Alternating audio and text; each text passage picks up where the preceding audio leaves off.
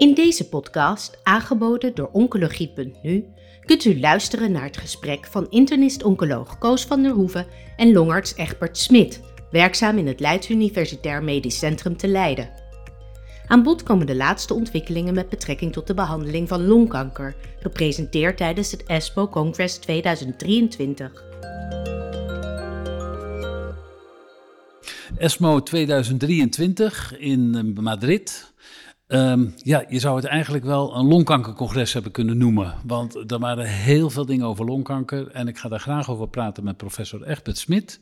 Hij is hoofd van de, af, van de afdeling longgeneeskunde in het LUMC. En ook nog verbonden aan het Nederlands Kankerinstituut.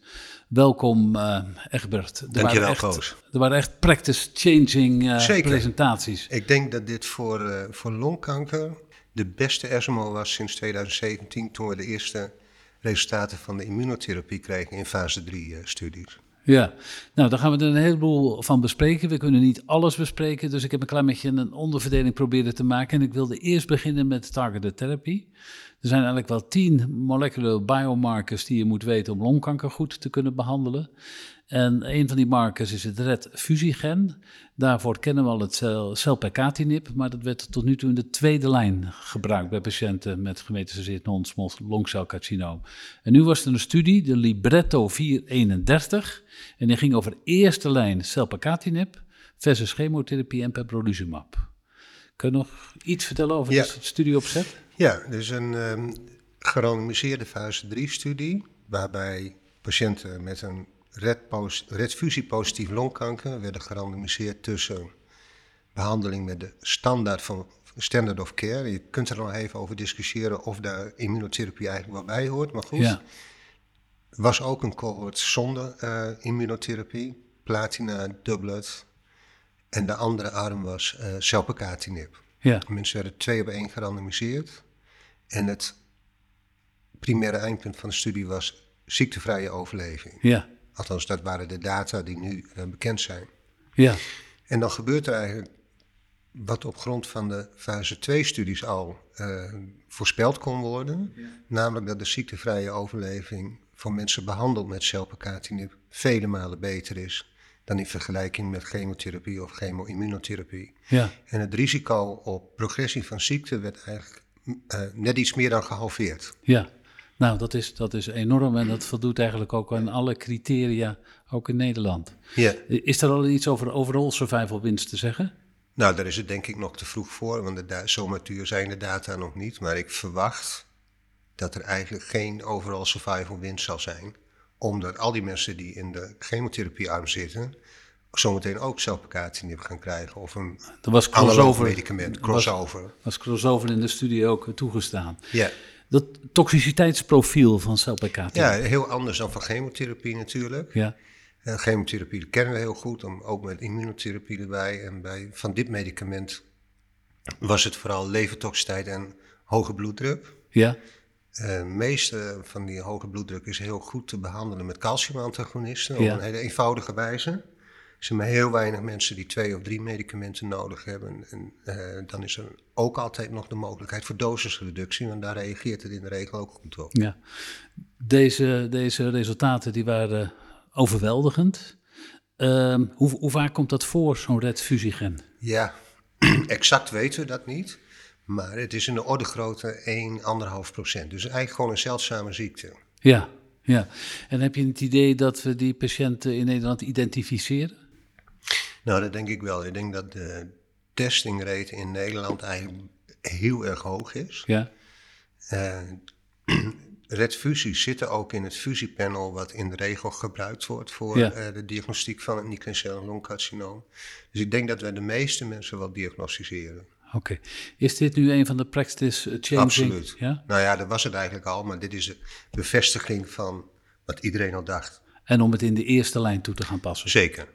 Nou ja, dat is natuurlijk met al die uh, oncogeen gedreven longkanker zo, dat doelgerichte behandeling altijd beter is dan ongerichte behandeling in de vorm van chemotherapie of chemoimmunotherapie. Ja. En daar is dit geen uitzondering op. Ja, stap ik over naar een andere zeldzaam voorkomende afwijking, de EGFR mutatie, die kennen we. Maar dan hebben we ook nog een EGFR exon 20. Wat is dat precies? Uh, is ook een mutatie Ja. in het EGFR-gen, maar dan in exon 20. En het zijn heel typisch zijn het EGFR exon 20 insertiemutaties, dus een stukje bij. Ja, En dat is een ehm, eh, erkende oncogene driver, Ja. waar we eigenlijk geen doelgerichte behandeling voor hadden. De meeste op EGFR gerichte TKI's die zijn eigenlijk niet actief tegen, dat, eh, tegen die mutatie. ja, En eh, op deze ESMO werd een studie gepresenteerd waarbij die mensen gerandomiseerd werden tussen een behandeling met chemotherapie, dus eigenlijk standaard van behandeling, ja, of een behandeling met eh, een combinatie van chemotherapie en amivantamab. En Ja. van amivantamab wisten we al dat dat single-agent activiteit had tegen deze eh, mutatie. Het is een bispecifiek antilichaam gericht tegen EGFR en MET. ja. Ja. En eh, nou, dat is ingezet. Kan je iets vertellen over eh, de resultaten? Nou, die waren positief. Dat wil zeggen, er was een. Het primaire eindpunt van deze studie was progressievrije overleving. Ja, En die eh, werd ook meer dan gehalveerd door Ja. de toevoeging van amivantamab aan chemotherapie. ja die ging van 6,7 naar 11,4 maanden. Ja, maar als je naar de hersenratio kijkt, dan lag die beneden de 0,5. Ja. Kan je iets zeggen over de toxische... Bijzon- Ja, dat wou ik net zeggen. In, in tegenstelling tot uh, eh, is dit wel een combinatie die ehm toxiciteit met zich meebrengt. Ja, Eh, typisch is daar eh, de EGFR-gerelateerde toxiciteit, dus huiduitslag, paronychia, diarree. En daarnaast heb je ook nog de toxiciteit van medremming in de zin van eh uideem en hy hypoalbuminemie en nou, dat soort zaken. Ook een beetje meer eh, myelosuppressie van die combinatie. En ik denk op dit moment is dat denk ik de, de eerste lijnstherapie die we zouden moeten geven of zouden moeten kunnen geven ook. En ik begrijp dat het dossier van amivantamab en chemotherapie al bij de EMA ligt, Ja. al vrij lang ook al. Ehm, maar het is wel zo dat die, in het veld van de EGFR exon 20 insertiemutaties, daar zit heel veel beweging in op dit moment. het zijn ook andere middelen. En er zijn eh, zeker er zijn middelen die eh, gewoon oraal toeteringsmiddelen. hè. Amivantamab is een middel wat je IV moet Ja. geven, dan elke twee weken. Dus ook vaak naar het ziekenhuis komen. En die orale middelen die hebben zo op het oog ongeveer dezelfde responsrate en dezelfde duur van de respons als eh, deze combinatie. Dus ik verwacht dat dat in de loop van de tijd een tweede lijnscombinatie zal gaan worden. Ja. En ehm, die oncogeen gedreven eh, vormen van longkanker, die hebben vaak geen chemotherapie nodig. Denk je dat Nee. dit ook nog... Ja, weet ik eigenlijk niet. Want dit is, een, dit is in tegenstelling tot al die andere vormen van oncogeen gedreven longkanker, is dit een ziekte die ook nog bij rokers voorkomt. Ja. De helft van de mensen in deze studie waren rokers of ex-rokers. En je ziet dat die oncogeen gedreven kankers die in rokers voorkomen, die hebben nou juist wel vaak chemotherapie nodig. Ja, En het goede nieuws voor hun is dat er natuurlijk ook nog immunotherapie is die het, ik zeggen, het lange effect voor- eh, kan eh, veroorzaken. en ook weer dezelfde vraag als voor het RED-fusiegen. Zit dit in het eh, pakket wat mensen laten testen om te Ja. kijken wat voor de biomarkers er zijn? Ja, over het algemeen wel. En dat komt omdat wij al heel lang in EGFR exon 18 tot en met exon 21 sequencen. Ja, Omdat in exon 21 die T790M zit en dat wordt in één keer gedaan. Dus daar zit het ook al in. En daarnaast is er een ehm, eh, advies gekomen van de commissie BOT wat betreft dit eh, gen. Ja. Waarin ook specifiek staat dat er naar die eh, mutatie gekeken mutaties gekeken wordt. Of dat er in ieder geval dat gedeelte van het gen gecoverd wordt.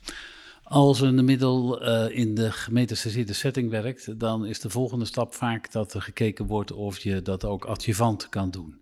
En eh, voor die, die targeted therapie hebben we bij longkanker het ALK-fusiegen. En daar bestaat natuurlijk al een hele tijd een eh, therapie voor. En het, het, het, het, meest effectieve middel alectinib, dat is nu ook in de adjuvante setting onderzocht in de ALINA-trial. Ja. Wat kan je daarover vertellen? Dat is na de sectie. Dus je moest een R0-resectie hebben gehad en dan eh, kon je gerandomiseerd worden tussen eh alectinib of chemotherapie. En ik vond een moedige studie, want eh, dat komt niet zo verschrikkelijk veel voor. Maar goed, die, trials, die studie is wel tot een goed eind gekomen. En ja, gebeurt dus ook precies wat je verwacht. Enorm verschil in uh, progressievrije overleving. Eigenlijk analoog aan de Adaura-studie die uh, twee jaar geleden op ASCO is gepresenteerd. Is de hazard voor progressie is, uh, nou die wordt echt tot 0,24. 0,24, dankjewel. Ja. Um, het probleem bij die hele effectieve uh, behandelingen voor ongedreven longkanker is dat mensen gaan kijken, ja, moet je dat nou in de adjuvante in setting inzetten of kan je dat ook reserveren voor wanneer het, zo, wanneer het zover is? Maar dat gaat dan ook om de waarde die de mensen toekennen aan het feit dat ze denken misschien wel genezen te zijn. Ja. Mensen zitten vaak toch beter in hun vel als er geen kanker in je lichaam zit, of in ieder geval je denkt dat het zo is, dan dat je weet dat het wel zo is. Uh, ja, maar goed, je moet je ook realiseren. Uh, wij weten ook dat, ook al zeggen we tegen mensen er is geen kanker meer, bij 60% komt het terug. Hè? Ja. Dus ik denk ook de angst voor uh, progressie van ziekte of een terugkeer van de ziekte, dat telt denk ik ook heel erg mee. Ik, ik vergelijk het wel eens met, met hartinfarcten. Waarom moeten we wachten op het tweede infarct? Ja voor je een behandeling geeft. In cardiologie is dat heel normaal, dat als het eerste infarct genezen is, dat je dan probeert het tweede infarct te voorkomen. Ja. En ik denk dat, ehm, ook al heeft het misschien een andere mindset nodig, ja. dat het niet gek zou zijn als we daarna gaan uh, kijken. En het heeft natuurlijk ook te maken met hoe wordt die behandeling verdragen. Als het weinig bijwerkingen heeft, en hoe was dat voor de alectinib? Ja, nou ja, kijk, de alectinib heeft natuurlijk wel bijwerkingen. En de discussie die uh, Marina Carrasino, die ging daar ook wel terecht op in, vond ik. Maar goed, dat moet je dus... Kijk, je kunt altijd stoppen vanwege bijwerkingen, toch? Dus mijn idee is, begin nou en zie wat er gebeurt. En dan uh, kunnen we daarna altijd nog een keer weer hebben of het uh, ook tolerable is, zoals het dan mooi heet. Ik noem nog één keer de, de twee jaar progressievrije overleving of ziektevrije overleving. Die was 96 procent. Ja, dat bedoel dus maar bij 4 procent uh, gerecidiveerd, terwijl in de andere groep dat het 63 procent was. Ja, dus dat, dat klopt precies met die 40 procent waar het uh, wegblijft. En had het ook een beschermend effect op het ontstaan van hersenmetalen? Ja, dat, nou ja, goed, dat is een common feature of al deze uh, behandelingen, is dat het aantal mensen dat een recidief in de hersenen krijgt echt enorm terugloopt. Ik maak even de overstap naar neo-adjuvante therapie. We weten dat kortdurende preoperatieve immunotherapie zinvol is bij een aantal tumoren. In ieder geval bij het melanoom en ook bij het primair MSI, eh, dus microsatelliet instabiele rectumcarcinoom, coloncarcinoom. Maar ook bij de non-small cell lung cancer zijn er eigenlijk aanwijzingen dat dat het geval zou kunnen zijn. En daar ging eigenlijk de checkmate 77 over. Kan je vertellen wat er yeah. gebeurde? Kijk, uh, ik denk, uh, wanneer was het vorig jaar, of ja, daarvoor, dat weet ik eigenlijk niet meer. Checkmate 816. Ja. Deze studie waarbij kortdurend een combinatie van chemotherapie en immunotherapie, nivolumab in dit geval, wordt gegeven. En we weten van die studie dat daar is een overlevingswinst um, overal voor de hele populatie. Ja. En niet een klein beetje, maar die, uh, dat gaat dus 0,42 in die mensen die een PD-L1 positieve uh, tumor hadden.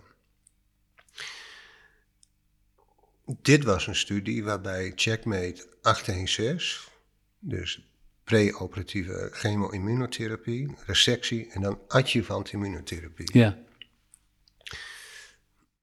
Eigenlijk vond ik dat ongeveer hetzelfde uitkomsten als uh, de Checkmate 186. Dus moeilijk om, om een schatting te maken van wat doet die adjuvant uh, poot nu. Ja.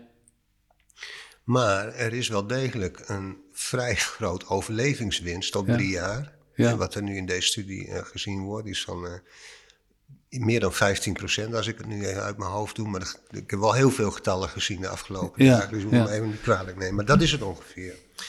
En, um... nou, na, na 18 maanden was de event-free survival, die was 70% versus 50%. Ja. En pathologisch complete respons was 35% versus 25%. 20, ja. ja. Dus dat is substantieel, zou ik zeggen. En uh, daarbij komt Ik denk dat we dat wel een beetje uit het oog verloren zijn. Kijk, onze standaard van behandeling voor, de, voor die groep mensen die studies is geïncludeerd, is concurrent chemoradiatie en een jaar durvalumab, hè, dus Ja. immunotherapie. Alhoewel concurrent chemoradiatie mogelijk is voor deze mensen, Ja, is het wel met veel bijwerkingen over het algemeen en ook met veel late schade en laat problemen. ja, In de zin van bronchopathie, dat is echt een groot probleem. Waar die mensen eh, continu of eh, recidiverende infecties hebben. En dat heb je natuurlijk allemaal niet met chirurgie. Dat is Nee. veel cleaner. Dus het is op zich een hele aantrekkelijke behandeling, denk ik, voor mensen met een eh, potentieel resectabel uh, niet-kleincellig longkanker. Wat we zullen moeten leren in de nabije toekomst is, ja maar, ehm, wat is het eigenlijk potentieel resectabel? Want in Nederland is het zo, alles wat eh, buiten de long zit, dus N2-ziekte, ja, buiten de long, ja, dat wordt niet resectabel geacht. Terwijl Ja. dat nu de mensen zijn die in die studies zitten. Dus Ja. dat is, eh, nou, ik denk dat we daar nog wel een leercurve te gaan hebben. En, maar gelukkig is het zo dat we wel eh, vergoeding gaan krijgen op hele korte termijn voor die pre-operatieve chemo-immunotherapie. ja, want, En niet voor die adjuvante ja, boot. En het jammere is eigenlijk, en dat geldt ook een beetje voor die andere studie die, die op dit gebied, die ehm Keynote 671-studie. ja, Ja, dat wij niet weten of die adjuvante behandeling nou bijdraagt tot de event-free survival en overall survival. Wat er eigenlijk gedaan had moeten worden, ja, toch een gerandomiseerde studie in die mensen die een resectie hebben gehad, wel of geen adjuvante eh, chemotherapie. Zou dat nog Eh, een... eh, eh, immunotherapie, excuus. Er waren een heleboel studies, allemaal verschillende vormen van checkpoint-remmers. Maar ze laten eigenlijk allemaal zien Mhm. dat er meer pathologisch complete respons is en minder event-free survival. Als er nou een keuze wordt gemaakt in Nederland voor een bepaalde combinatie Ja. van preoperatieve immunotherapie, zou het dan nog mogelijk zijn om in Nederland een studie te doen waarbij je zegt, die patiënten die pathologisch complete respons bereiken, die krijgen geen verdere immunotherapie. En de mensen die dat nog niet hebben, dus die, die nog tumorweefsel bij de operatie hebben, daar doe je misschien een randomisatie tussen wel of geen aanvullende immunotherapie. Nou, lijkt me een prima plan om dat zo te doen. Ehm, die- ik denk dat er ook nog wel andere vragen zijn. Ja, Ehm, mensen, stel je nou voor, kijk, we hebben een andere behandeling hè, voor die mensen die Ja. geen pathologisch complete remissie hebben. Alleen het vervelende is, we weten pas of iemand een pathologisch complete remissie heeft op het moment dat je geopereerd bent. ja, Dus zou je nou van tevoren mensen kunnen identificeren die dat niet hebben? ja, die zou je alsnog een behandeling met chemoradiatie kunnen geven. En bespaar je eh, de morbiditeit en misschien ook wel mortaliteit een beetje die je van, met chirurgie induceert. Dus dat vind ik, vind ik eigenlijk ook nog wel een vraag die, eh, die beantwoord zou moeten worden. Eh, maar aan de andere kant denk ik dat het een hele valide vraag is. Hebben wij die adjuvante behandeling überhaupt wel nodig? Je kan nou voor dezelfde muziek, kijk in pathologisch complete remissie, alles is weg. Ja, wat doen we hier eigenlijk nog? Ja, Hè? ja. Met nog meer behandeling. Maar geen pathologisch complete remissie. Ja, kennelijk was dat resistent voor immunotherapie. Ja. Wat heeft er dan voor zin om nog meer te geven? ja, ja. Dus ik- gerandomiseerd onderzoek in die setting is echt super belangrijk. Ja, er is een heleboel evidence dat pre-operatieve immuuntherapie eh, behulpzaam Ja, kan zijn. ja. Zeker voor de PD-L1-positieve Ja. populatie. En dat stuk daarna, daar moet nog over gesproken worden. Zeker. Ja, dan, eh, dan stap ik over naar, ja, zijn er dan nog nieuwe dingen? En ehm, er was een, de Tropion Long Ja. 01-studie. En dat gaat over een middel dat eh, een hele moeilijke naam heeft, maar dat heet Datopotamab Diruxtecan. En jij noemt het DPD, geloof ik, versus docetaxel als tweede lijnsbehandeling bij het gemetastaseerde niet-kleincellige bronchuscarcinoom. Wat is de rationale om dit Ja. middel te gebruiken? Kijk, across the board was het op ESMO natuurlijk zo. Als er ergens stond ADC, zaten zalen vol. Hè? Ja, Dus er is een enorme hype om, rondom die eh, ADC's ontstaan. Omdat dat een in theorie een low level, dat weinig toxiciteit en wel veel activiteit tegen de kanker zou hebben. Ehm, tweede lijns behandeling voor patiënten met gemetastaseerd niet-kleincellig longkanker is sinds 2001 Ja, docetaxel monotherapie. ja, Ehm, nou, ik- dat is het, hè, de docetaxel monotherapie. En er is heel veel ruimte voor verbetering in, Ja. in dat. eh, want dat- ja, dat doet de opbrengst daarvan is heel, heel, heel, erg beperkt. heel erg laag. Ja, Maar wel het enige wat er is. En voor sommige mensen echt van veel waarde is. ja, Ehm Dato DXD had ehm, in nou, eerdere fase 1 en fase 2 studies laten zien dat het effect had bij mensen met uitgezaaid longkanker. En misschien wel heel, wat meest uitgesproken nog bij mensen die zo'n oncogene driver hadden. ja, En daarom is die gerandomiseerde studie gedaan, waarin ehm, patiënten die progressie hadden op chemotherapie plus en ook een immunotherapie-regime hadden gehad, eh, werden gerandomiseerd tussen heel eenvoudig docetaxel of dato-DXD. Die studie, die, ehm, daarvan eh, was het primaire eindpunt progressievrije overleving. En een co-primaire eindpunt was overall survival. Je- Het hangt natuurlijk een beetje van je perceptie af hoe je er hier nu tegenaan gaat kijken. De presenter en ook vond ik eerlijk gezegd wel de discussant, die was eigenlijk heel erg positief. De hazard voor eh, progressievrije overleving was 0,75.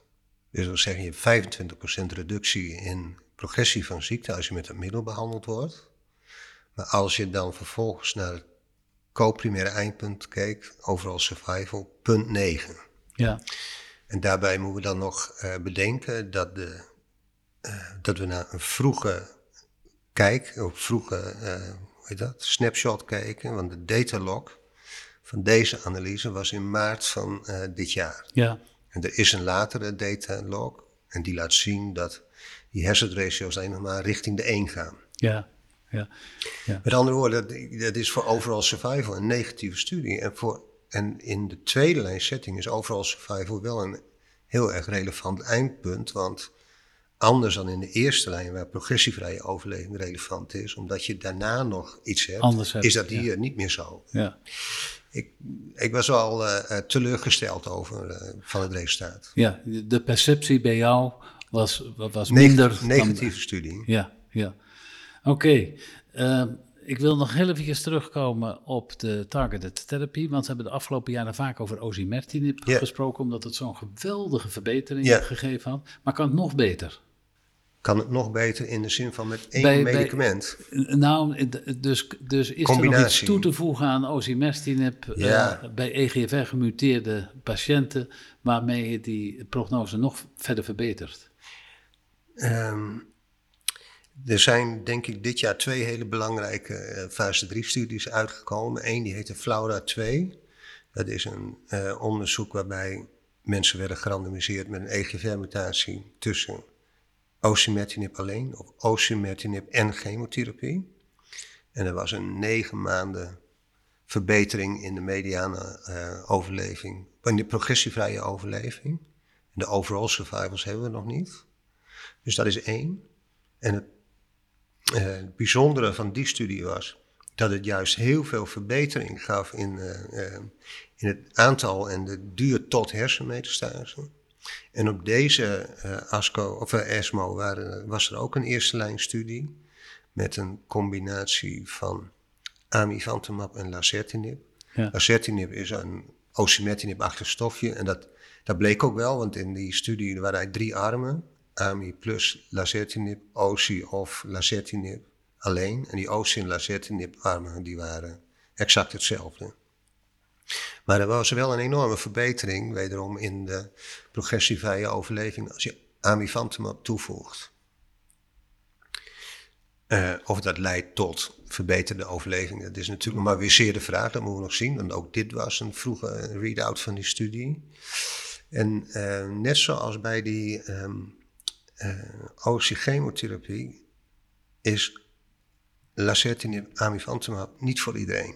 Nee, het is toxisch. Het is toxisch. Ja. En het, eh, nou ja, wat we helemaal in het begin hadden over die uh, papillon-studie, bij, bij EGFR exon 20 insertiemutaties, veel res, veel uh, Ja. paronychia en al dat soort dingen.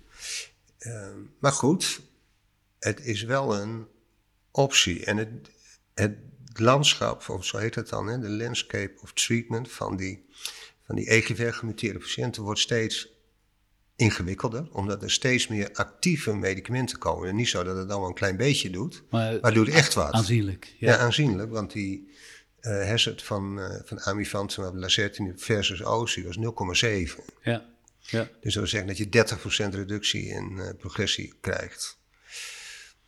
Dus eh, voor mij is, het- dus ik heb een, een aantal vragen, is ja, maar wie eh, moet nu chemotherapie krijgen? Wie kun je beter AMI geven? ja. En vooral wanneer?